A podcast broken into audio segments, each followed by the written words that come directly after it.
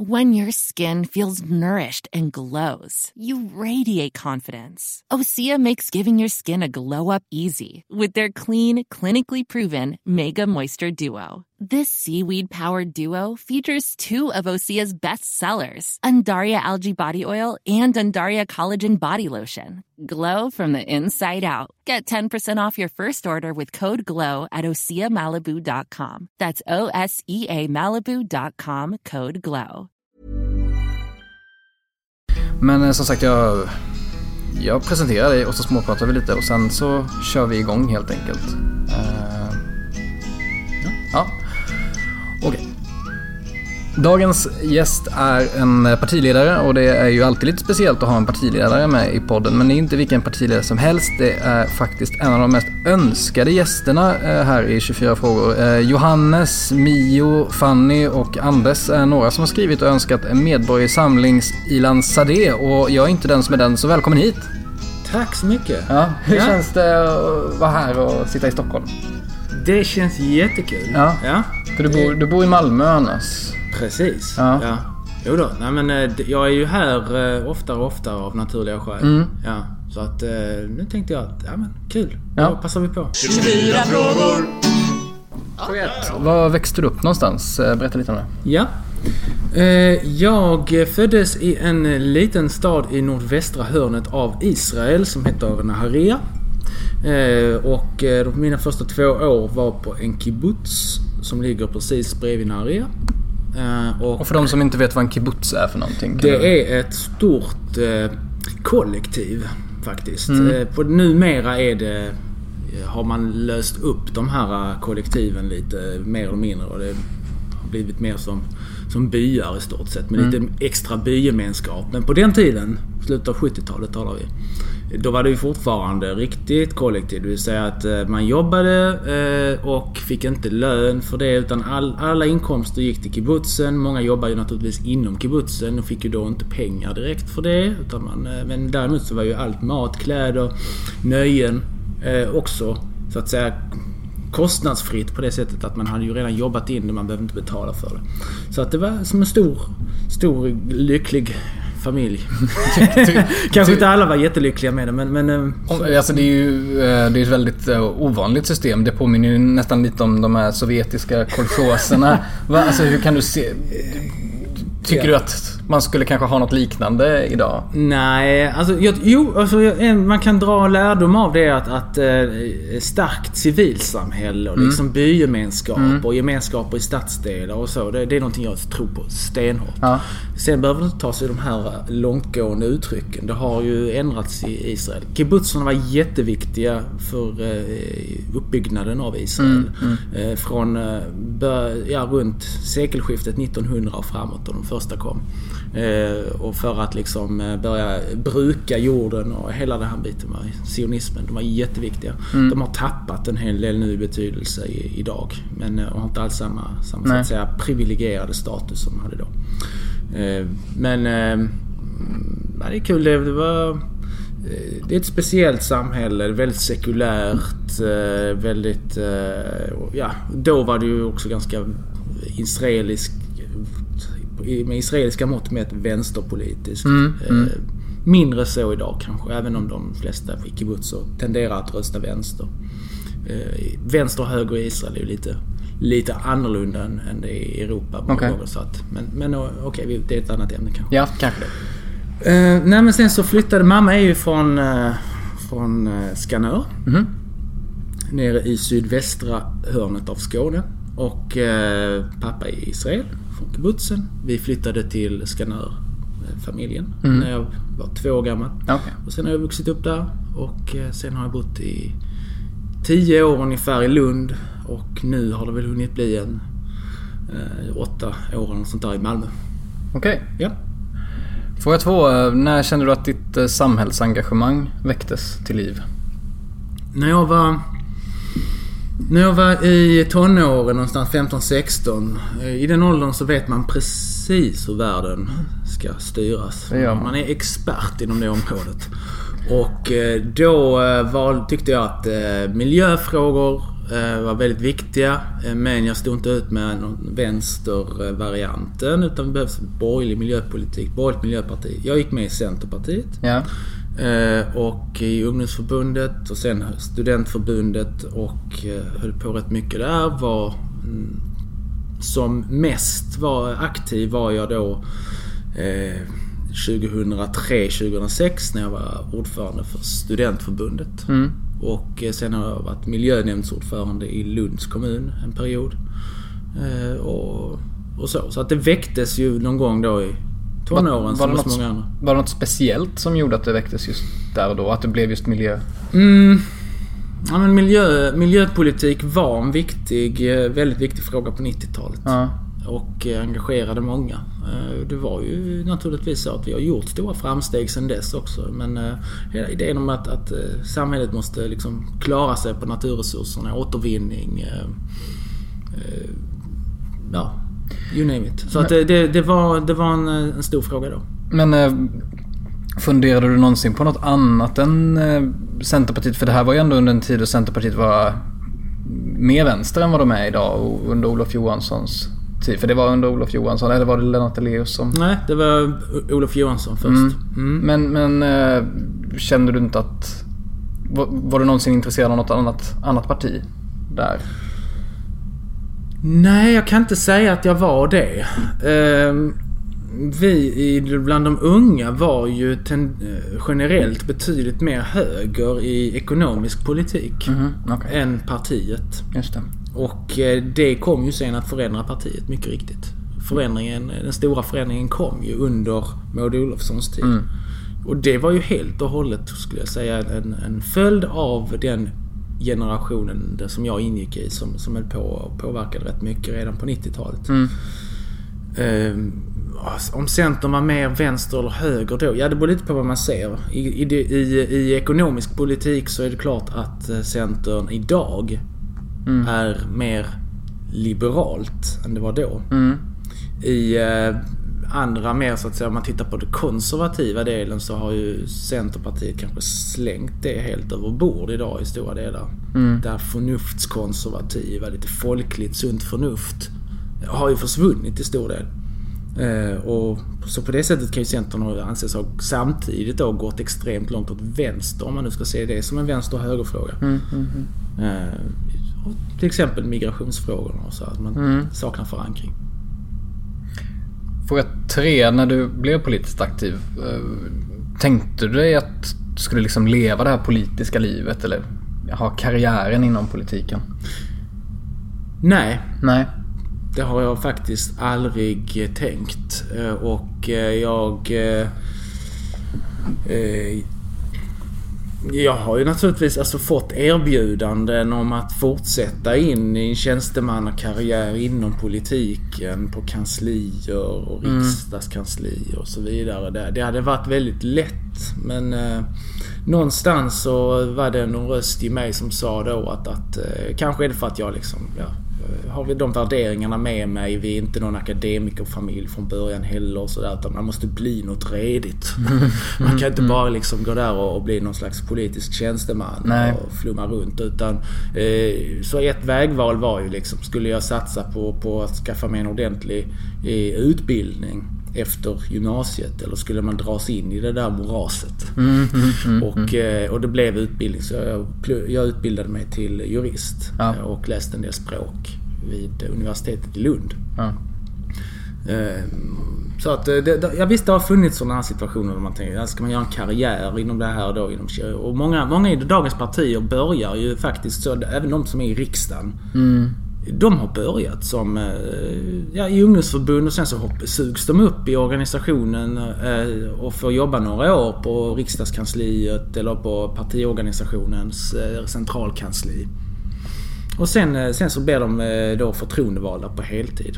Har inte gjort någonting egentligen av värde eller betydelse utanför den politiska Nej. världen. Nej, verkligen. Nej, och då styrs vi av, av sådana människor. Mm. Ja.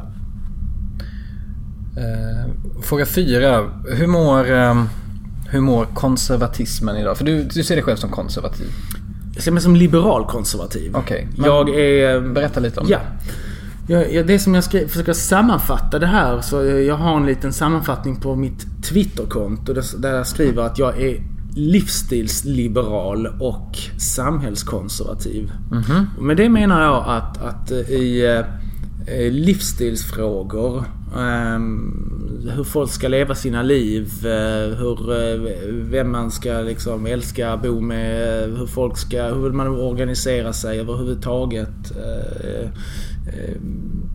Där är jag jätteliberal.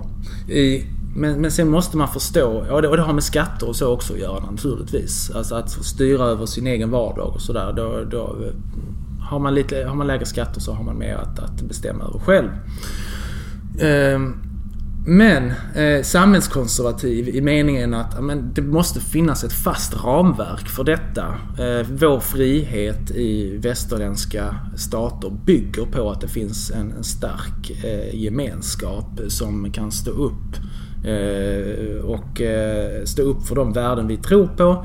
Eh, se till att vi har en, en icke-korrupt poliskår. Att, att folk är lojala mot det gemensamma när det kniper. Alla sådana saker där har ju många sådana här liberaler som bara håller på att tugga sina teser helt liksom gått bort sig. Att man måste förstå att det finns, det, det, det, det ena förutsätter och förstärker det andra. Mm. Eh, det liberala samhället, den liberala staten bygger på eh, någon form av gemenskap. Eh, och, det, och då har vi då den, den västerländska staten som mycket bygger på någon form av nation. Och vissa stater har flera nationer inom sig men man har någon form av kulturell gemenskap. Och där kommer det, det är en konservativ lärdom menar jag. Att, att, eh, och också att, att eh, eh, inte vara så extremt eh, ideologisk och eh, har skygglappar på hela tiden och säga att det här är svaret på alla frågor. Det spelar ingen roll vilken fråga du ställer så är det här svaret. Utan eh, se vad, vad är det som funkar i samhället? Ha liksom lite öppna ögon och inte ha skygglappar.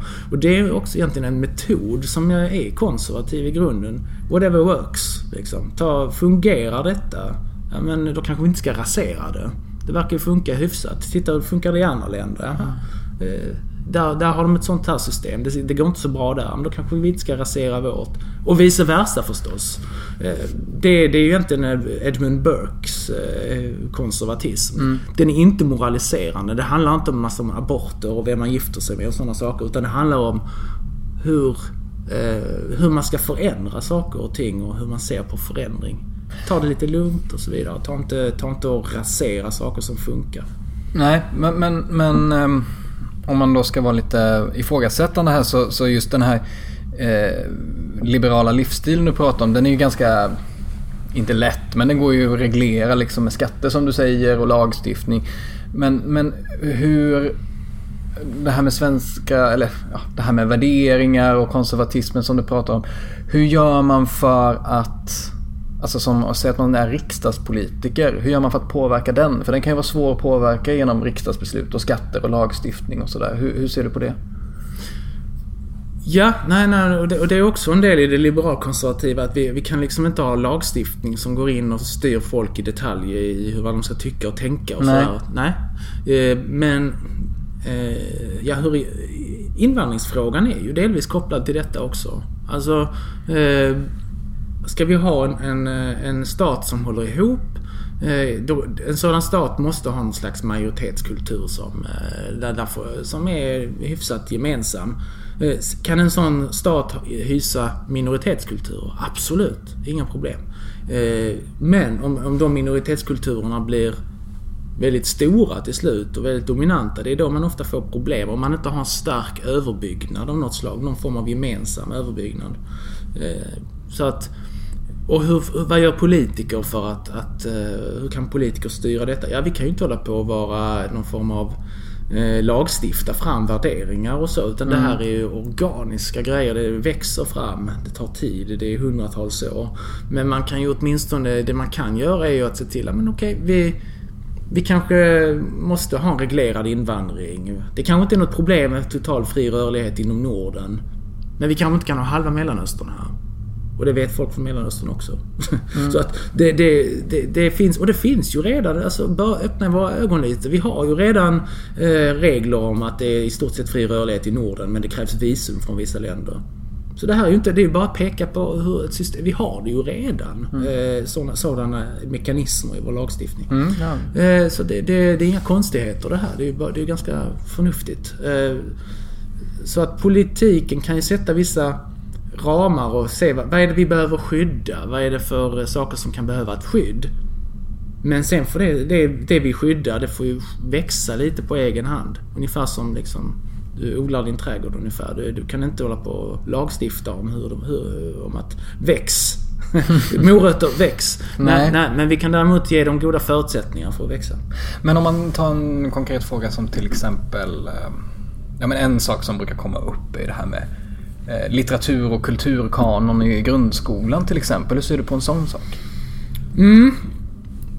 Det där har man ju egentligen, eh, ja, nej men det, det, jag tror nog att det kan vara en god idé att ha lite gemensamt. En sån sak som knyter ihop nu. Sverige är ett invandrarland. Eh, vi behöver fundera över vad är det för eh, saker som ska bygga broar mellan, mellan folk med olika kultur.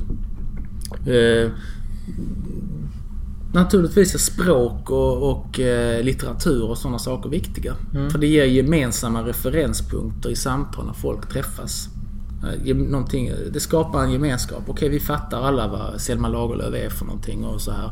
Och, och eh, så att jag är absolut för att man har någon form av, eh, av gemensam så här, kanon i skolan. Och så har det alltid varit också innan man eh, någonstans, någonstans började flumma till och äh, kan vi, kan vi egentligen bestämma vad unga ska ha för kunskap? Och så. Ja, det kan vi. Mm. Därför att vissa saker knyter ihop. Sen det största och viktigaste är väl egentligen att, att uh, stimulera överhuvudtaget till att läsa och så här. Det, det är väl egentligen steg ett. Ja, verkligen. Och att ha en, ha en skola som, som Eh, har hög kvalitet på liksom språkundervisningen, både modersmålet och andra språk och så vidare. Eh, det, det, är väl prioritet nummer ett såklart. Mm, mm. Men, eh, men om vi kommer lite till, till nästa steg. Va? Självklart bör man väl ha någon form av idé om, om att, att i skolan ska, ska folk, eller ska barnen kanske ha läst lite från olika författare som, som har något viktigt att säga om svensk historia och svensk kultur. Och eh, regionalkultur också kanske. Det kanske är olika i Skåne och i Norrbotten om, om man ska läsa det. Man kanske måste ha allt samma. Nej, men nej. men eh, det ger någon form av... Där så skapar man en inkluderande eh, ska vi säga, patriotism liksom, genom att, att se till att ha något gemensamt. Annars har vi ingenting. Mm. Intressant. Fråga fem, lite annan typ av fråga. Hur märker man på dig att du är väldigt arg? Om man har dig som chef till exempel. Fladdrar du med näsborrarna eller vad händer? Jag blir sällan sådär. Jag har väldigt, väldigt lång stubin. Aha, okej. Okay. Eh, är, det, är, det, är det som du ser en av dina positiva sidor? Jag eller hoppas det. Ja. Ja jag, blir, jag, jag, jag, blir, jag har eh, väldigt lång stubin. Jag, jag börjar inte skälla på folk och sådär. Jag mm. kanske kan låta lite, lite kantig. Mm. Eh, jag tror att jag blir lite kantig i tonen och lite så här rakt på sak, ja. hård så. Men, men jag har väldigt lång stubin. Jag vet inte vad det, det kommer av någonstans. Ja, det, det, Eh, det enda gången jag har väldigt kort stubin, det är ju som de flesta andra. Vad var det? Jo, det är ju trafiken. Ja, ja just det. Ja.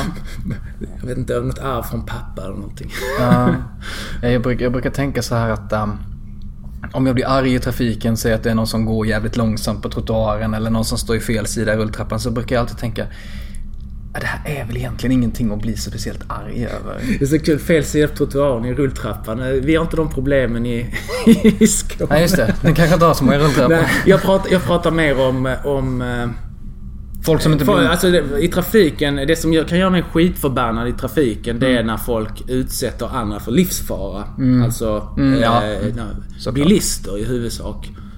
Eh, ja, cyklister kan ju också vara förjäkliga. Men, ja. men, men alltså sitter du inne i en bil och, eh, och, och kör på ett eh, medvetet, inte misstag utan mm. medvetet ja. gör, gör saker som är farliga för andra. Då kan det gå några sekunder, någon sekund bara så tänder jag till som fan. Att, ja.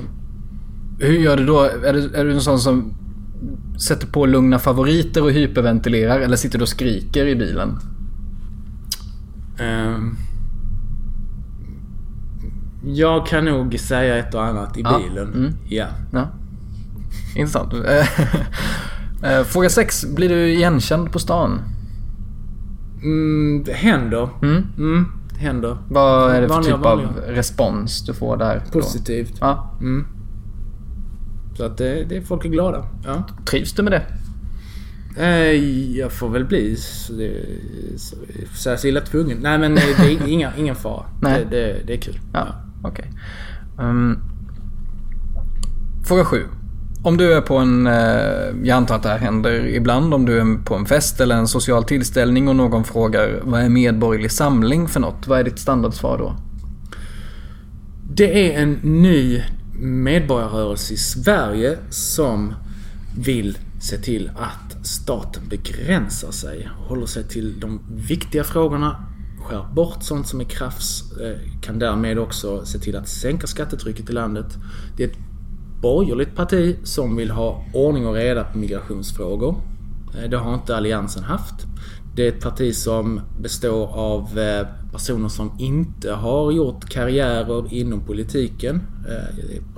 Som vi säger politiker med yrken, inte yrkespolitiker. Eh, och med, det tändes, gnistan till det här tändes ju av decemberöverenskommelsen.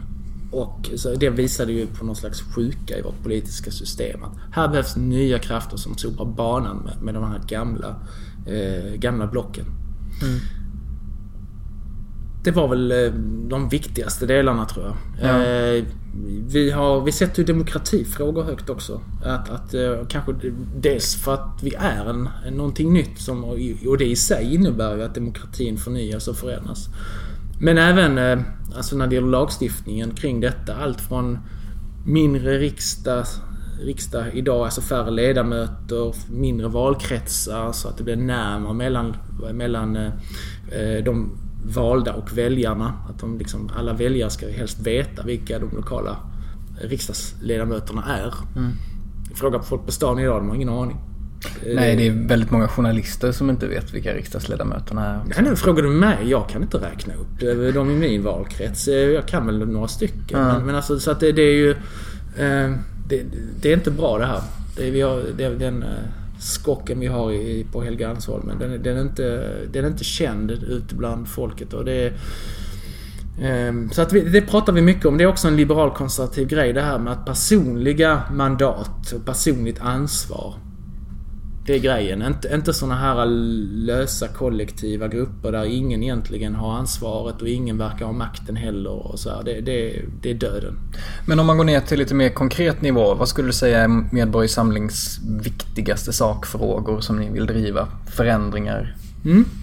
Eh, då är det i så fall att, eh, att skära i statsbudgeten en del. Framförallt inom, om, vi ska se vad vi ska skära ner, så är det ju... Dels ska en hel del myndigheter läggas ner.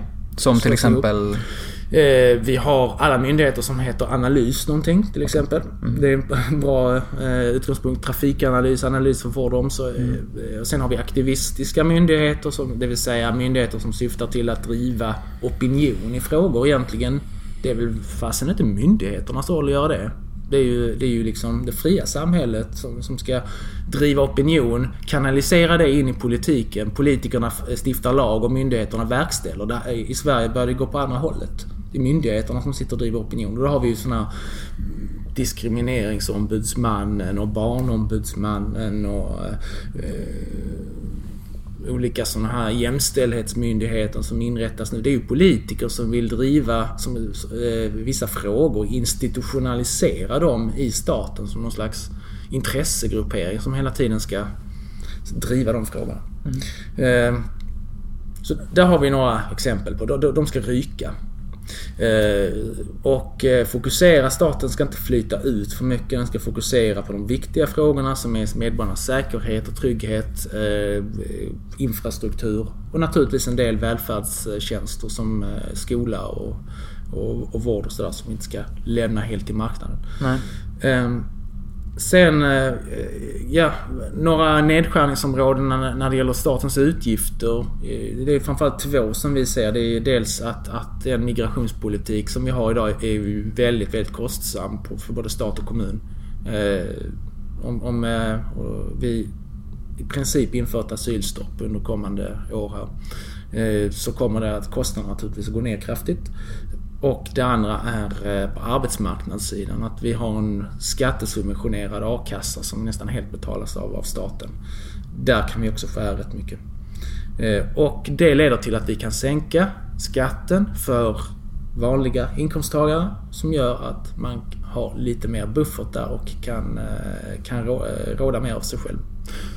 Så där, i de frågorna har vi en ganska klassisk liberal politik helt enkelt. Och jag skulle lyfta fram det, det här. Stoppa slöseri i staten. Eh, se till att medborgarna har större självbestämmande. Det är om du ska säga liksom ett område. Eh, men sen brinner jag också väldigt mycket, som du kanske hör, för, för demokratifrågor. För, mm. för det här med eh, identitetspolitiken och sådana saker såna, eh, som, som grasserar i staten. Och eh, där allianspartierna har lämnat walkover. Man har aldrig gått in i och sagt att det här får ni lägga av med. Vi ska inte dela upp folk i massa undergrupper och skicka och understödja detta med miljarder. Alltså det, det kostar ju mycket det här också att hålla mm. på med de här frågorna. Så att Bort med det bara. Mm, mm. Eh, hur ser du på demokratin utanför den rent liksom eh, representerande politiken? Om man ser skoldemokrati eller arbetsplatsdemokrati. Hur, hur ser du på denna såna demokratin i, i hela samhället? Vad, vad har du för tankar om det? Alltså i skolan... Eh, nej, det, det är ju ingen Alltså, demokrati är ett system där medborgarna bestämmer för hur man vill att det här samhället ska styras. Mm. Eh, det betyder ju inte att man sitter och har något, låter liksom eh, sjuåringar sitta och rösta om, om huruvida man ska ha eh, läxor eller inte. Liksom, eller om vi ska ha rättstavning eller om vi istället ska titta på film. Mm. Det där är ju fullständigt gallimatias. Det är det, det, det, där har vi ju exempel på hur, hur Eh, identitetsvänstern och flumvänstern har totalt fördärvat vårt utbildningssystem. Så att eh, nej, där ska inte vara någon jävla demokrati i den meningen i, mm. skolan. Mm. Arbetsplatser, ja men där har du ju ett avtalsförhållande. Du har en anställning. Det finns en, en, en det är ett, ett ömsesidigt avtal mellan arbetsgivaren och arbetstagaren. Som kan sägas upp. Om man inte eh, kommer överens eller tycker att det här är bra längre. Eh, sen tror jag det är jättebra personalpolitik för en arbetsgivare att, att lyssna på sina anställda såklart. Eh, och ha medbestämmande. Och det finns ju kooperativa eh, liksom, organisationsformer. Ju. Mm. Ekonomiska föreningar. Där du har mer drag av så kallad, ska jag säga, typisk demokrati, en, en, en medlem, en röst eh, finemang. Men, eh, men det är inte nödvändigtvis så att ett aktiebolag, att man ska liksom införa någon slags regel om att eh, de anställda ska kunna ta över ett aktiebolag genom mm. att rösta om det. För de, de har ju inte investerat i det här bolaget. De, de, eh, de, de har ju ett avtal, det är aktiekapitalet, där har ju en ägare som har gått in med. Fråga 8. Du var inne på det innan, men du var ju engagerad i Centerpartiet väldigt länge. Och sen lämnade du Mm. Uh, var det en tuff, uh, säger man, uppbrytning för dig? um, nej, det var det väl egentligen inte. Eh, jag började ja, redan någonstans där på 00-talet så började jag bråka lite om, om migrationspolitiken. Jag tyckte också att utbildningspolitiken alltså, inte inte var bra riktigt, att det inte fanns någon riktig linje där. Det, jag uppfattar i stort sett att det, det som förenade Centers eh, utbildningspolitik det var att Jan Björklund är elak. Och det där kan man aldrig bygga något starkt på. Jan Björklund har ju faktiskt eh, en del poänger. Så att, eh, men, men jag tyckte inte man tog de här frågorna seriöst. Så att så småningom så blev det liksom mer och mer ett mognande ett beslut att men vi, vi håller ju på att gå ifrån varandra, jag och Centerpartiet. I lite olika riktningar. Så ja, det trappades ner och ja, någonstans där runt 2011-2012. Jag var på en stämma tror jag. Jag tror den sista jag var på var väl runt, kan det ha varit 2011? Jag tror det. Mm. Och då märkte jag ju att, att det var Tog man upp migrationsfrågan så blev man ju liksom utfryst i det här sällskapet mer eller mindre.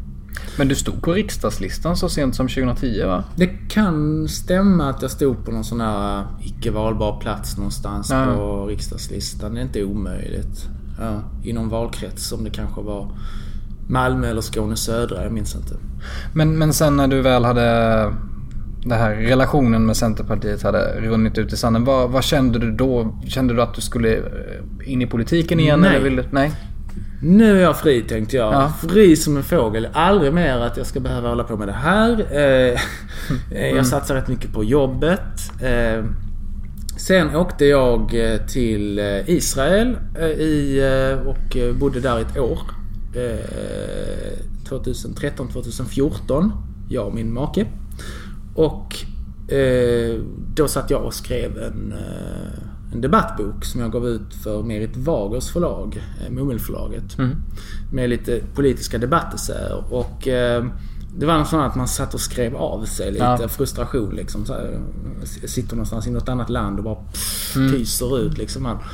Eh, och eh, eh, och sen, sen kom valet 2014 mm. och tänkte oj, här händer det saker. Och sen kom decemberöverenskommelsen som sagt. Och alltså, då, då fattade jag något beslut att det här, det här går ju inte. Jag måste ju göra någonting. Mm. Så, att, så någon slags sån här pliktkänsla fick mig att, att nej, jag, jag får göra någonting. Eh, jag, jag, måste göra någonting åt det här. Någonting. Och, och då fanns det en, ett embryo till det som är dagens Medborgerlig Samling. Och jag gick in och sa att det här stöttar jag. Men vad fick dig att uh, välja ändå banan med att starta parti? För att du hade ju också kunnat engagera dig i ett befintligt parti. Mm. Men det fanns ju inte, tyckte jag, något, eh, något som eh, passade. Något, så alliansen var fullständigt... Alltså, titta på decemberöverenskommelsen. Va, vilket, vilket av de där partierna skulle man gå med i? Som hade slutit decemberöverenskommelsen? Det, det gick ju inte de, de, eh, alltså, det var ju ett monumentalt svek av, av eh, väljarna. Som, jag tror inte folk riktigt fattar hur pass allvarligt det, det var. Liksom. Allt i syfte, till med, allt i syfte att vi inte ska kunna ens prata med, med de där Sverigedemokraterna. Och eh, Sverigedemokraterna, ja, det är väl inte riktigt... De har dels en, en, eh, en del eh, i partikulturen som, som kommer ifrån eh, gamla tider för det partiet som inte är så roligt. Eh, och dels så i ekonomisk politik och så, så är det ju inte direkt något frihetligt parti. Utan det, jag ser ju Sverigedemokraterna som de kommande liksom, Socialdemokraterna i Sverige. Så ser det ju ut idag. Det är bara att titta på vad som händer i opinionen. Um, tänkte... Fan, jag hade en bra följdfråga där men jag har glömt bort den. Vi kanske kommer tillbaka sen. Mm. Eh, fråga 9. Eh, du har ju också kopplingar till eh, nättidningen Nyheter Idag. Ska vi reda ut det? Va, va, hur funkar det mm. där egentligen? Jo, ehm, det var innan faktiskt jag blev eh, partiledare. Eh, jag eh, hade en del kontakter med Jean Frick på telefon. Hade haft det under flera års tid. Jean ringer och snackar skit och det blev tätare och tätare. och jag tror vi hade faktiskt kommit i kontakt med varandra första gången genom mitt jobb. Eh, att jag höll på att företräda någon eh, som, och han var motpart. Eh, han var företagare innan också inom en annan bransch, inom typ så här skrothandel tror jag det var. Något sånt där. Åh oh, fan. Ja. Så att... Eh, rivningsbranschen var det nog. Mm. Han höll på med att riva eh, sådana här för, stora elledningar och ta hand om metallåtervinningen ifrån det. Så. Jag är inte ett dugg förvånad. Nej, precis. Ja. Eh, så, eh, så, så sen så till slut jag har min erfarenhet av, av eh, juridiken och, eh, och eh, genre från eh, journalistik och grävande och ställa till med skandaler och sådär. Och, eh, då, och Jean Frick ska eh, helst hållas så långt borta som möjligt från pappersarbete och sånt där. Eh, och eh, då kommer jag in i bilden och säger okej, okay, jag kan gå in i detta, jag kan stötta, jag kan stötta eh, med tid. Och på den vägen är det. Så det blev ett litet aktiebolag i början av 2016. Mm. Och sedan flyttades nättidningen till aktiebolaget. Den fanns ju redan innan då som någon enskild firma. Från, för Stjärns del då. Mm, mm. Och sen, sen på den vägen är det. Men äh, finns det någon konflikt där? Eh, konflikt? Eh. Alltså äh, att äh, ha, ha nära kopplingar till ett medieföretag och samtidigt vara partiledare som vill in i riksdagen? Jag tror inte det. Alltså det är inte precis någon Berlusconi situation om jag säger så. Eh, jag, eh, eh, jag har naturligtvis så småningom har nu för avsikt att, eh, att minska på, på ägandet. Så, eh, absolut om vi nu kommer in i riksdagen. Ja, då får du väl kanske inte ens... Jag, vet inte om det finns några regler för det. Jag tror inte faktiskt. Men det är ja. kanske inte så lämpligt. Nej. Så i, det läget är det väl lämpligt att, att helt, eh, helt avstå ifrån det. Va? Så det, det, det kommer. Det är inte... Men... Ja, det, nu, nu händer ju mycket. Nyheter idag växer snabbt och eh, eh vi, det kommer nog förändringar utan mm. tvekan. Mm. Say hello to a new era of mental health care. Cerebral is here to help you achieve your mental wellness goals with professional therapy and medication management support. 100% online. You'll experience the all new Cerebral Way, an innovative approach to mental wellness designed around you. You'll get a personalized treatment plan from a therapist, prescriber, or both in a safe and judgment free space. Your cerebral therapist or prescriber will outline a customized plan with clear milestones along the way so you can get to feeling your best. With Cerebral, you're not alone in your mental health journey. We're here to empower you to live a fulfilling life. So take that first step towards a brighter future and sign up today at cerebral.com slash podcast and use code ACasts to get 15% off your first month. Offer only valid on monthly plans. Other exclusions may apply. Offer ends July 31st, 2024. See site for details. As a person with a very deep voice, I'm hired all the time for advertising campaigns. But a deep voice doesn't sell B2B, and advertising on the wrong platform doesn't sell B2B either. That's why if you're a B2B marketer, you should use LinkedIn ads. LinkedIn has the targeting capabilities to help you reach the world's largest professional audience. That's right, over 70 million decision makers all in one place. All the big wigs, then medium wigs, also small wigs who are on the path to becoming big wigs. Okay, that's enough about wigs. LinkedIn ads allows you to focus on getting your B2B message to the right people. So, does that mean you should use ads on LinkedIn instead of hiring me, the man with the deepest voice in the world? Yes. Yes, it does. Get started today and see why LinkedIn is the place to be to be. We'll even give you a $100 credit on your next campaign. Go to linkedin.com slash results to claim your credit. That's linkedin.com slash results. Terms and conditions apply. Fråga 10. Vad behöver du göra för att få en uh, riktigt bra start på dagen? Jag behöver eh, kaffe. Ja. Mm. Och, eh, Direkt eller Nej, väntar jag, numera tar jag det på jobbet ja. i regel. Eh, och eh, eh så att eh, det sammanfattar nog rätt mycket. Jag behöver lite kaffe på morgonen och något intressant att läsa kanske på morgonen. Mm. Ja. Fråga 11. Du var inne på det lite innan men har du någon gång haft ett riktigt jobb så att säga? Alltså har du kroppsarbetat eller har du... Har du... det, jag tänkte, vad är det här för fråga?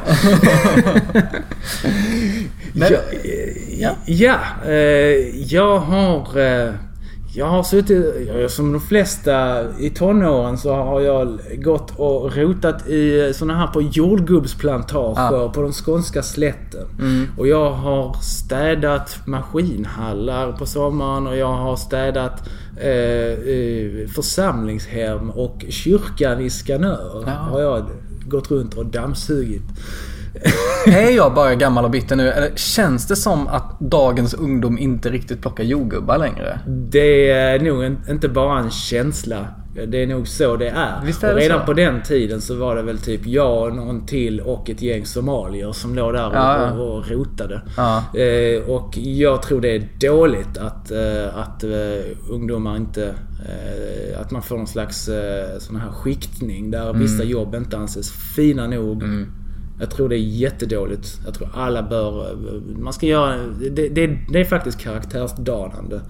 Där är, låter jag som en gammal officer eller någonting sånt där. Men sådana här karaktärsdanande saker som lite hårt arbete. Jag har jobbat i Israel förstås också. Eh, när efter gymnasiet precis. På, både i plantager och, och eh, någon eh, plastfabrik. Ja, ja. Ehm, Men, men jag tror det... Och även då det militära nu när så få gör militärtjänsten. Det är inte bra. Nej, alltså...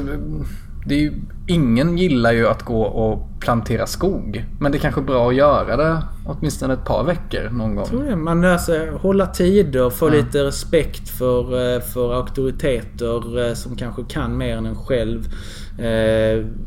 Kanske också bli utsatt för eh, ett och annan, en och annan prövning. Kanske ha en idiot till chef. Ja, gud. det är också eh, lärorikt. det Eh, För det. att då är det, det är lite som den käre Alexander Bard brukar säga. Det är liksom inget kuddrum längre. Nej. Det är, det är den verkliga världen och man måste ha lite mandoms och kvinndomsprov. Alltså, man kan inte sitta i det där kuddrummet bara och, och bli curlad. finns ju, det finns ju få saker som är så karaktärsdanande skulle jag säga som känslan av att bli orättvist behandlad, eller hur? Mm. Och hur man ska hantera den känslan och att Verkligen. man eh, och, och eh, blir verkligen riktigt jävla förorättad. Eh, och, och sen kanske man, och inte liksom se det som slutet och, och så här, och br- bryta, ja man kanske ska bryta ihop och sen gå vidare. ja. Men alltså det finns, man måste få liksom smällar i livet Mm. och det måste finnas eh, saker som är svåra att, att liksom ta sig över. Vad, för, typ av, av eh, sådana här mandomsprov har vi egentligen kvar idag? Studenten är borta i stort sett. Det är här vi har tagit student, studenten, fy fan vad vi är bra på, som de skriker på flaket. Nej, det har ni ju egentligen inte. Nej. Tyvärr. Och jag hade unnat alla de här studenterna en, en riktig studentexamen. Så de hade liksom haft något svårt att komma över och kanske också risk för att misslyckas. Och då får man göra om och, prova, och, och lyckas. Eh, körkortet är väl egentligen en riktig sån där. Där är det liksom antingen så lyckas du eller så lyckas du inte. Problemet är ju bara att i storstäder så tar ju folk körkort när de är i 30-årsåldern. Mm. Så att det finns egentligen inte heller... Men alltså de blir inte, de blir inte män eller kvinnor förrän de är 30. Men det Ja, om du nu, om, Så om, är det du, väl- om så du är det nu väl har körkortet som en slags så här, preferens för uh, mognad. Nej, nej, nej, nej. Jag bara säger vad, vad finns kvar? Ja, jo men det är faktiskt en intressant tanke. Eh, ja, och, och alla kulturer har ju såna initiationsriter av något slag där man ska markera någon slags övergång ifrån, ifrån ett eh, barndoms eller tonårsstadium. Tonåring är ju egentligen ett begrepp som kom på någon slags på 50-talet tror jag. Det fanns inte innan utan då var det liksom konfirmationen någonstans där. Sen så var man i stort sett vuxen. Gud, ja. Eh, ja. Alltså, jag, jag, ehm, jag är uppväxt i södra Småland. Det är så ganska traditionellt lutherskt eh, bonde. Och där, där var det faktiskt så ganska länge, alltså fram till ja, men 80-90-tal någon gång. Att när du hade, åtminstone som man, när du hade tagit eh, konfirmationen. Då fick du snapsglas till middagen när det var fint. ja. På riktigt. Ja, häftigt. Ja, Ja, eller, jag, jag vet eller, inte. Jag vet inte. Vad Nej, man, nej, jag säger inte man ska... Men ändå. Men där var det ju, konfirmationen var ju en sån grej. Mm, Ehm, ja, det är intressant. Jag, Ja, då, det finns motsvarigheter liksom och inom judendomens bar mitzva. Mm, eh, Det vill säga det betyder, bar mitzva betyder helt enkelt att man är eh, eh, så att säga mogen för att genomföra eh, påbuden som finns i, i eh, liksom eh, Toran och i så. Så att eh, det, det, det, det är en sån rit och därefter, förmodligen tidigare, nu kan jag inte historien så väl och kulturhistoria men jag tror att giftermål och sånt där säkert förekom ganska kort tid efter det där. I, i det gamla samhället. Eh, Men idag så... Idag saknar vi en del av de här eh, liksom, gränserna som man kan gå över. Och att man känner... Och, jag tror egentligen att körkort, det verkar ju vara... Och, och det är också på utdöende. Som, som, du sa, som du sa så tar man ju inte eh, i städerna eh, folk längre körkort när de är 18-19 år som när, när, när jag tog det. Utan man, man förskjuter det längre fram. Kan det vara så att för många, om man säger de, dagens ungdomar så kan den där vuxenriten vara den här utlandsresan som alla gör nu för tiden efter studenten. Att man åker och jobbar i Australien eller någonting och tar något så här skitigt barjobb i något år och sen åker man hem och tycker att man har växt upp. Kan det vara... Visst, det kanske inte går att jämföra med lumpen eller något liknande, men kan det vara någonting sånt? eh, Ja, det ligger någonting i det du säger. Jag tror det. Det kan, det kan vara ett sätt att själv nästan eftersom, eftersom nu stat och samhälle inte riktigt eh, eh, har någon, något färdigt sånt där ritualpaket så får jag skapa ett själv. Ja, precis. Eh, så så det, det kan nog ligga någonting i det. Intressant. Eh, fråga 12. Hur ska du gå tillväga för att få in Medborgarsamling i riksdagen? Genom att, att berätta det jag har berättat, genom att eh, vara eh, liksom själv, vi själva förkroppsligar det vi säger eh, och vara ihärdiga. Och eh, eh, ha den... Eh, alltså om man tittar på de medlemmar vi har. Det är väldigt bra folk. Det är kvalificerade människor. Det är, de har, många har liksom framstående inom sina yrken. Eh, och eh, eh det här kommer att förändras. Sen, eh, ja, det, när, när det kommer och väljarna rör sig snabbare och snabbare idag. Och gamla etablerade partier kan rasa ihop som korthus. Eh, Är du... Hur många valrörelser eh, tror du att du har i dig så att säga om, innan ni kommer in? Alltså hur, hur, hur mycket orkar du, tror du? Hur många jag har i mig innan vi vad? Kommer in i riksdagen? Ja, precis. Alltså för att om, om man säger om ni inte skulle komma in i höst så antar jag att du fortsätter till 2022. Ja, vi, allting är- står ju öppet men, eh, men alltså eh, vi kommer ju absolut att... Alltså det, det håller inte för omöjligt redan i höst. Eh, Sedan kommer det ju en ny mandatperiod. Det kan komma ett extraval under den mandatperioden. Eh, Ett, ett starkt Medborgerlig Samling i det här valet bäddar för ett ännu starkare i nästa val. Sen om det exakt vilken sida av den här 4%-spärren det ligger i det här valet kon- kontra nästa val, det, det är ju... eh, Det, det får ju framtiden utvisa. Nära framtiden till och med utvisa. Men, men... Eh, eh, jag tror det kan gå ganska snabbt. Jag tänker också att ni, eh, ni blir ju inte redovisade i opinionsmätningar och, och det finns många debatter och sånt där som ni inte bjuds in till eh, av, ja, av kanske naturliga skäl. Men eh, är det liksom... Var, var hittar man motiva, motivationen liksom för att, för att det är ändå en uppförsbacke in i riksdagen? Eh, hur, hur, hur gör man för att liksom peppa sig själv?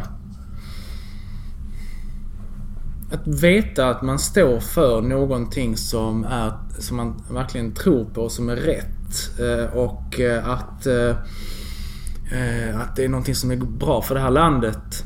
Och att det- finns nästan en, som man sa, en ancien régime som det man sa under franska revolutionen. En gammal, ett gammalt etablissemang som inte klarar det här längre. Och som inte, som inte har idéerna och som inte har kompetensen. Och, och då är det inte mer motiverande att behöva att, att gå in i något av de partierna och försöka förändra det. För jag tror mycket av det där går inte riktigt att förändra utan det behövs nya krafter som, eh, som, eh, som gör det. De är alldeles för, för eh, de, de är liksom förstenade och i slutet av, av sin livsbana nästan. Du låter nästan revolutionär. Ja men det är ju lite paradoxalt nog eftersom det är liberal-konservativt. Men, men, eh, men jag är liksom konservativ i betydelsen att, att det, i samhället ska man inte bara liksom kasta ut saker och ting som funkar bra och så vidare. Liksom, men staten är ju inte samma sak som samhället. Det svenska samhället är en gammal och seg historia. Staten eh, kan vi stöpa om rätt ordentligt. Så att... Eh, Ja, lite, lite så här medborgarna. Tänk på att det var revolutioner. I, historiskt har ju ofta varit eh, borgerliga från början. Så att, eh, men eh, sen, sen eh, har vi ju då Edmund Burkes lärdom att, att, eh, att kasta om och liksom göra sig av med det demokratiska systemet, och det gamla systemet helt och spola det och sådär. Det leder sällan till något gott. Mm. Därför att det slutar bara med, med tyranni. Mm. Eh, men, eh, så jag pratar inte om, att, att, eh, om det, utan det här är ju en parlamentarisk rörelse. Vi ska in i riksdagen. Eh, är så, men, men visst finns det lite, lite geist, lite revolutionär geist i det här projektet. Fråga 13. Om ni nu skulle komma in i riksdagen redan i höst, eh, vilka typer av samarbeten skulle ni söka? Mm. Vi har sagt så här, vi har vår agenda. Vi är eh, öppna att prata, för att prata med alla som är intresserade av att stödja vår agenda och där vi kan titta hos andra om de har, om vi har sam, eh, samsyn i vissa frågor. Eh, så att eh, man kan väl börja så här, vi behöver inte utesluta någon på förhand. Sen är det ju uppenbart att det finns vissa partier som vi har mer att samtala om och eh, kanske samarbeta om än andra. Eh, men vi ser oss som ett självständigt block. Som, eh, som kan stå öppet för att, att samverka och ta ansvar för landet. Eh, men eh, ska jag liksom nämna några så är det klart att det, allianspartier finns det väl en hel del att diskutera med mm. om. Sverigedemokraterna finns det också en hel del att diskutera med om. Eh, kanske också i vissa beröringspunkter naturligtvis med Socialdemokraterna. Men eh, det är väl... Det, det finns öppningar ju att prata med alla. Har du någon kontakt redan nu med några toppolitiker i riksdagspartierna? Eh, nej. nej. Och jag ser, eh, nej, jag tycker inte heller vi ska ha det. Nej. Jag tycker vi ska, vi ska köra på det här nu och ha kontakt med medborgarna. Och sen, det, det får bli en senare fråga. Du har kanske inte sökt den kontakten helt nej, enkelt? Nej, faktiskt inte. Nej. Fråga 14. Har du något fritidsintresse som folk blir lite förvånade över att du har? det var länge sedan jag hade fritid. Nej men en sån där liten hobby när, när du inte behöver göra någonting alls. Här. Som förvånar? Ja, som är lite otippat. Um, jag vet inte om det är otippat men uh, jag gillar liksom odling, sådär, växter och Aha. sådär. Ja, så alltså jag, i... i, i uh så här krukväxter eller? Både det ja. och på balkongen. Du vet nu är det rena chili och tomatplantagen ja, eh, ja. på balkongen i Malmö. Eh, behöver ett hus egentligen för det ja. håller inte i längden de här plantagerna på balkongen. Kanske eh, behöver ett ordentligt grönsaksland? Ja, faktiskt. Mm, mm. Eh, ända sen jag liksom kunde gå nästan så har jag gillat eh, eh natur. Jag har gillat liksom växter, jag har gillat eh, djurlivet och vet inte om det är någon, något som chockerar. Men... Eh, men eh, Nej men det är väl inte världens vanligaste... Uh... Nej men jag tycker det, det, det jag gillar det. det. Det är livet liksom. Är du så pass hardcore att du så här förädlar egna växter Nej. och försöker... Nej. Fast chiliplantorna nu som växer på balkongen i Malmö, det är faktiskt typ tredje omgången tror jag ifrån samma... Alltså jag, jag, jag har samlat in de fröna från förra liksom. Från ja. plantor som jag tyckte såg lite... Ja, så är lite på, på det hållet va. Styrd evolution. Ja. Okej. Okay. Fråga 15. Lite mer ovanor här då. Dricker du, röker du, snusar du? Eh, jag dricker och jag gör inget av det andra. Nej. Nej. Lagom... Eh, är jag dricker, det lät Kommer ut med ditt alkoholproblem här. Nej men du, liksom... Är det, är det en, en öl om året eller är det typ ja, lite då och då eller? Vad? Det är verkligen lite då och då. Mm. Jag, jag, eh, jag gillar, jag, jag, prosecco är jag såld ja. på. Ska, mm. man, ska man liksom eh, nå Ilans hjärta så är det prosecco. Det, oj, oj, oj. Ja, det eh, smackar gott. Jajamän. Eh, mm. Fråga 16. Um, ehm, superaktuell fråga. I natt kom uh, nyheten att uh, Kanadas senat röstat för att legalisera cannabis. Uh, är det någonting du skulle vilja se i Sverige? Nej, jag skulle inte gå så långt och säga att, att legalisera cannabis. Eller jag vet inte vad det senat... Jag har faktiskt inte hunnit följa upp det där. Vad exakt det är man har gjort. För det djävulen ligger i detaljerna ofta. Alltså här uh, ungefär kortfattat så är att... Uh, det förslaget som senaten röstade igenom var... Det var ganska mycket regleringar i det. Typ mm. vad det gäller... Um, uh, hur man märker upp produkter, marknadsföring och även då ett, ett, ett tak på innehav då. Jag tror 30 gram, vilket mm. det är väl ganska mycket.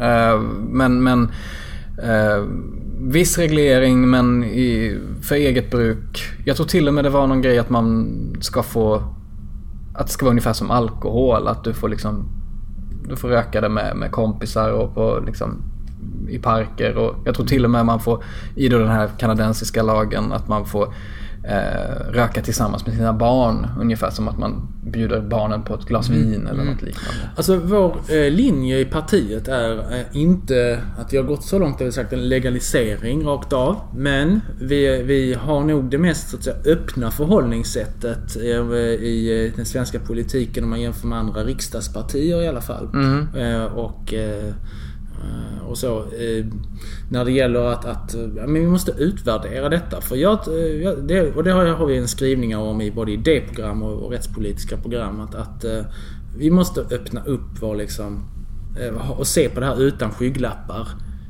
Missbruk är inte bra. Den, den organiserade brottsligheten är inte heller bra. Eh, att, och eh, att narkomaner liksom...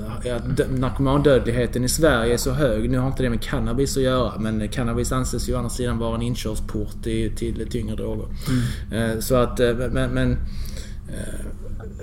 det, det är förfärande att, att det är så. Och hur gör vi liksom den bästa avvägningen mellan de här olika sakerna? Jag är inte säker på att Sverige har den. Sverige har... Om det är någonstans där vi har en väldigt repressiv Eh, bestraffningspolitik så är det ju inom, inom narkotika där vi har nästan förvånansvärt höga straff. Mm. Eller har haft. Det har mildrats lite nu efter ändrad HD-praxis för ett par år sedan. Men skulle man åka in i finkan i 10 år i Sverige så var det ju för att du hade typ så här, blivit tagen i tullen med något kilo mm. eh, droger. Eh, tio år i, i finkan kräver ju, om du jämför det med brott mot person, så är det ju liksom, måste du slagit ihjäl någon mer eller mindre. Ja, så att det, det är liksom Eh, det finns inga proportioner i detta. Eh, jag tror vi ska öppna upp lite för att, att reda ut det här ordentligt. Att eh, ta bort skygglapparna, se hur har andra länder gjort. De försök som har gjorts, det finns länder som har förändrat det här tidigare och för länge sedan. Jag är inte tillräckligt inläst på hur, hur det har gått sen. Mm. Hur det ser ut på missbrukarsidan, hur det ser ut med den organiserade brottsligheten. Men, men eh, utvärdera detta och eh, vi kan ju inte ta alla frågor på en gång i, i Medborgerlig Samling så här, eh, utan vi, vi har ju tagit, eh, vi, vi, har bildats på grund av andra frågor primärt. Eh, men efter valet så är jag helt säker på att vi går, borrar i den här frågan mer och kommer till en, en bra konklusion. Fråga 17. Tror du att du på ett eller annat sätt någon dag kommer att bli statsminister? Den tanken har aldrig... Eh, den har inte slagit mig. Men nu gör den det. ja, nu, nu ställer du frågan. eh, ja, jag passar nog på den frågan. Ja. Ja, jag har inte, det, det är ingenting jag går och funderar över. Det är din rättighet att göra mm. det. Mm.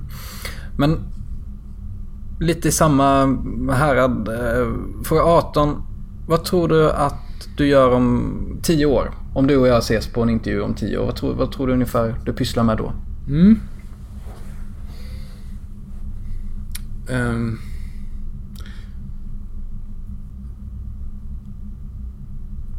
Jag är nog en, en, eh, offentlig figur. Sen om det är... Eh, det är möjligt att det är i, i riksdag eller i regering. Det kan också vara i andra roller. Eh, men, men någon form av offentlig figur. Tror jag. Det, det, det är svårt att... Har man väl satt igång det här mm, så, så mm. vill man fortsätta och göra det bästa man kan. Spännande. Mm. Eh, fråga 19, apropå offentlig figur. Eh, för drygt 15 år sedan så var ju faktiskt du en av de första öppet homosexuella politikerna i Sverige. För, alltså för yngre lyssnare så kanske det, det inte låter något konstigt alls men på den tiden så var det ju inte jättevanligt. Eh, hur var det på den tiden? Vad, vad har du för minnen av det? Uh, inga bekymmer. Nej. Faktiskt jag, jag har inte upplevt några stora problem eh, överhuvudtaget. Jag nej. nej. Så det, det, det har varit... Eh, eh nej, det inga konstigheter. Nej. Mm. Ja men då så. Mm. Fråga 20. Ångrar du någonting i ditt liv?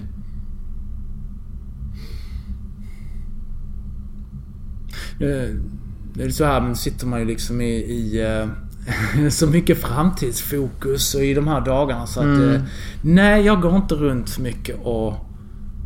Och eh, ångrar eller så här. Kanske... man- Man kommer väl till någon fas i livet där man kanske sitter och funderar och gör bokslut. Och jag är inte riktigt i den fasen nu. Nej. Ehm, så att... Eh, eh, klart ibland går ju tankar, skulle man pluggat till någonting annat som kanske juridik är ju väldigt, eh, ska vi säga, eh, kopplas till, till ett visst land till exempel. Medan om man ska satsa på läkare eller något liknande så folk ser ungefär likadant ut. Likadant ut hela i världen liksom. Så att det är samma. Eh, så lite kanske så här utbildning. Men sen så tänker jag att, att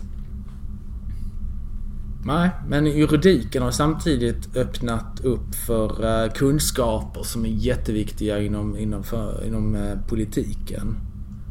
Det var därför jag började egentligen tror jag också. Jag tänkte att det stod vägde lite mellan samhälls... Eh, eh, statsvetenskap och eh, juridik. Polmag, juridik. Jag valde juridiken för jag tänkte att ja, men, polmag eh, grejerna är någonting som jag hämtar in ändå. Men juridiken, den, den måste man nöta in liksom inom ramen för en utbildning. Mm, mm. Men... Eh, så att, om men ångrar jag det? Nej, det gör jag nog inte. Eh, jag har inga stora sådana här äh, ångerämnen så att säga. Du har aldrig haft någon livskris? Jag borde ha det nu kanske. Jag fyller 40 snart. Efter den här intervjun. Nej men eh, du, du har aldrig tänkt så här vad som hade hänt om du stannat kvar i Centerpartiet eller om du hade lämnat det tidigare, kanske startat upp det här partiet för tio år sedan eller något sånt där. Har de tankarna funnits?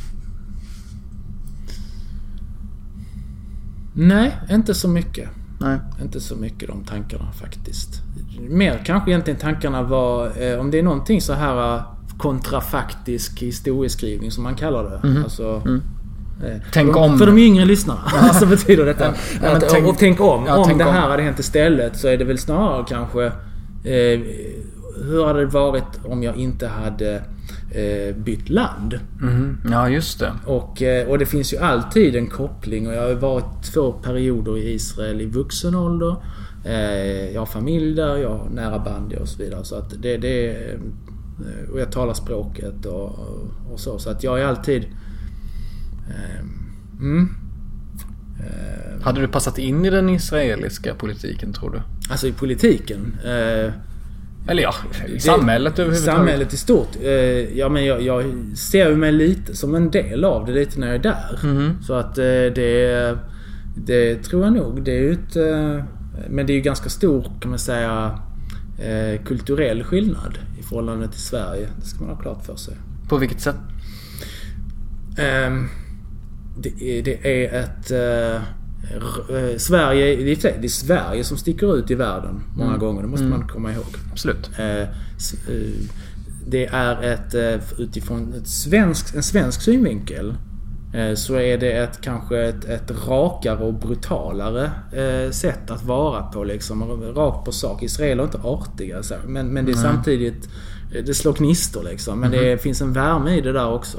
Och lite att, att det eh, man är en stor familj och eh, framförallt om det händer någonting eh, så här yttre, så här, då, då samlar sig folk på ett väldigt fint sätt. Och det eh, Inom en familj håller man inte på med massa artighetsfraser och sådär. Nej, så nej, att, det, nej. eh, så, att det, det är en annan eh, mentalitet. Mm. eh, eh, Men eh, och jag är ju i det samhället. eh, Då är ju jag rena liksom britten höll jag på att säga. Mm, I- Okej. När det gäller sätt att vara. Ja, ja, ja. Men, men det finns sådana i Israel också. Ja.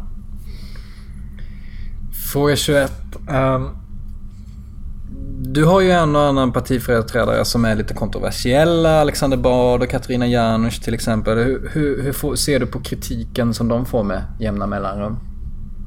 Ja, alltså eh, ibland så. Det som jag sa i ett, ett inlägg för någon månad sedan när folk började ställa frågor. Det folk har en favoritsysselsättning eh, idag inom den politiska debatten. Det är att plocka upp någonting som någon kläckt ur sig i någon, någon tweet och sen så springer de till mig och säger eh, eh Ilan, titta nu har Janusz sagt det här. Eh, titta nu har Bard sagt det här. Ilan, Ilan, Ilan. Vad ska ni göra åt det? Nu måste ni ta avstånd, ta avstånd, ta avstånd. Och till slut så sa jag, men så här, jag, jag kan ju ha synpunkter på vad de säger och det har jag ju sagt någon gång också. Att jag, det där tyckte inte jag var särskilt trevligt sagt. Mm. Så, då, går vi vid, då kan vi gå vidare nu. Eh, Det, det finns en besatthet vid eh, hur man uttrycker saker och ting eh, i Sverige. Och många andra, inte, nej, inte bara Sverige, det är, det är en sjuka i hela världen nästan. Och det här hänger ju samman med sociala medier och det är en lång historia. Vi kanske inte kan utveckla den eh, allt för mycket här och nu. Men, men i korthet så... eh, Det som, det som tidigare sades i, eh, i slutna rum och på krogen. mer eller mindre. Det, det kläcker folk ur sig nu på, på nätet. Därför att människan är fortfarande människa. Och eh, har man tagit sig några, några stänkare jag på säga och sitter med ett Twitterkonto och så här bara... Så, Jag brukar, jag brukar tänka på den här eh, gubben som satt och drack Falcon på pizzerian. Du vet. Att Ja, han, ja. Han, han, han har Twitter nu. Ja, exakt, exakt, exakt.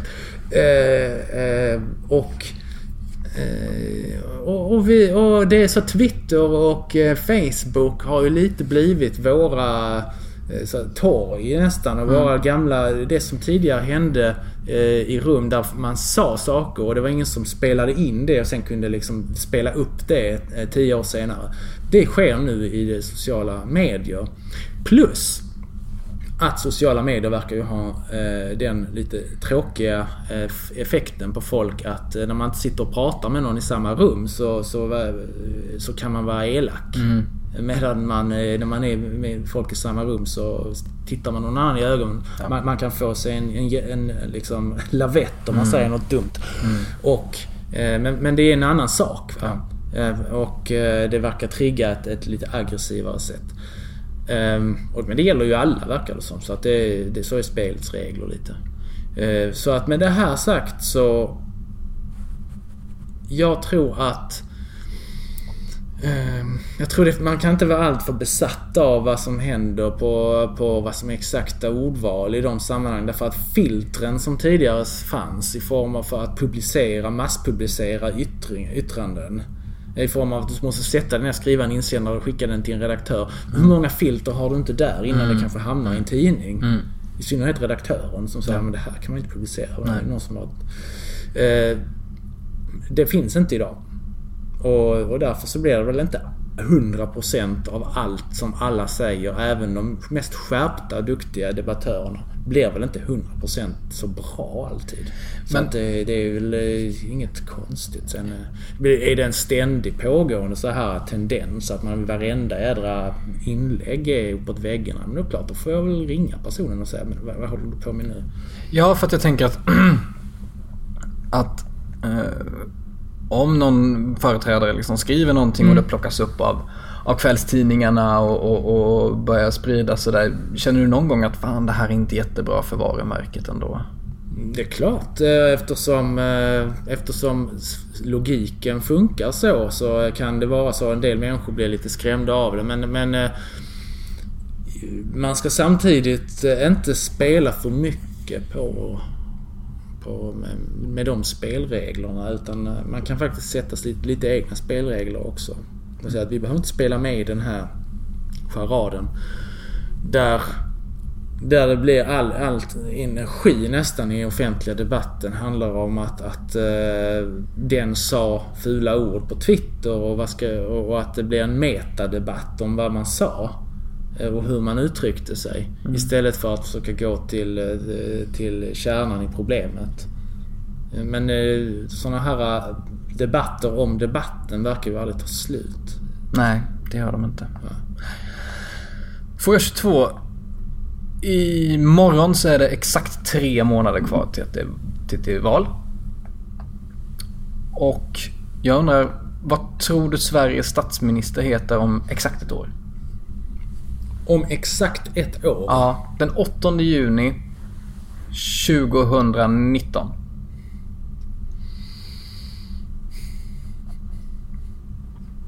Mm. Skulle inte förvåna mig om det är Ulf Kristersson. Och hur tror du att... Tror du att det är en enpartiregering eller är den tre eller fyra eller... Eh, kanske en eller två partiregering. Eh, han kanske har med sig ytterligare ett alliansparti. Och sen får han söka majoriteter i, i, eh, i riksdagen. Mm. Hoppade majoriteter. Och... Eh, mm. Kommer vi in nu så är, är det inte omöjligt att vi är med i regeringen till och med. Spännande. Fråga 23. Vilket tycker du är det finaste ordet i svenska språket?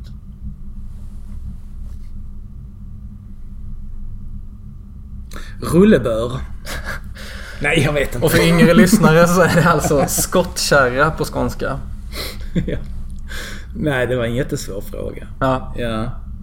Folk, folk ska säga kärlek och sånt där. ja eller Ja. vattenfall eller... Mm. Ja, men jag... Nej men du säger väl rullebör då? Ja. Det, det, det är ett bra det, ord och... Ja, ja, Varför inte? ja. Ja. Fråga 24. Du, som sagt, du bor, i- du bor i Malmö. Och du eh, har åkt upp till Stockholm här nu. Eh, vad händer i helgen? Eh, jag ska faktiskt tillbaka till Malmö ikväll. Ja. Eh, så att det var en liten sån här blixtvisit. Eh, så att, nej men nu har jag något möte här jobbrelaterat och sen så ska jag träffa ytterligare möten som har med politiken att göra. Vi har ju faktiskt ett eh, mycket stort och glädjande stöd inom partiet bland eh, personer som eh, kommer från andra länder men som har sekulär inriktning, faktiskt några sekulära muslimer. Eh, muslimer som valt att, eh, någon har till och med valt att lämna. Jag ska ha ett möte med dem eh, Alltså lämnar eh, Islam. Eh, jag ska ha något möte med dem i eftermiddag. Okej. Och sen så ska jag tillbaka till Malmö och i helgen så ska jag jobba med politik på olika sätt. Ja, och eh, jag kommer nog inte jobba alls. Men jag hoppas att eh, du som har eh, lyssnat på detta har tyckt att det var väldigt trevligt. Jag har tyckt att det var ett jättespännande intressant samtal. Vi finns som vanligt på 24 frågor at nyhet24.se. Jag heter Karl-Anders L på Twitter. Det är bara att skriva om det är något ni undrar. Och jag får väl framförallt tacka dig Ilan Sadeh för att du kom hit och ville prata lite. Ja, tack ska du ha Ja. för, för att jag fick vara med. Ja, och eh, vi ses väl förhoppningsvis nästa vecka och eh, tills dess så säger vi väl hej då. Hej då allihopa. Head over to Hulu this March, where our new shows and movies will keep you streaming all month long. Catch the award winning movie Poor Things, starring Emma Stone, Mark Ruffalo, and Willem Dafoe. Check out the new documentary, Freaknik The Wildest Party Never Told, about the iconic Atlanta Street Party. And don't miss FX's Shogun, a reimagining of the epic tale, starring Anna Sawai. So, what are you waiting for? Go stream something new on Hulu.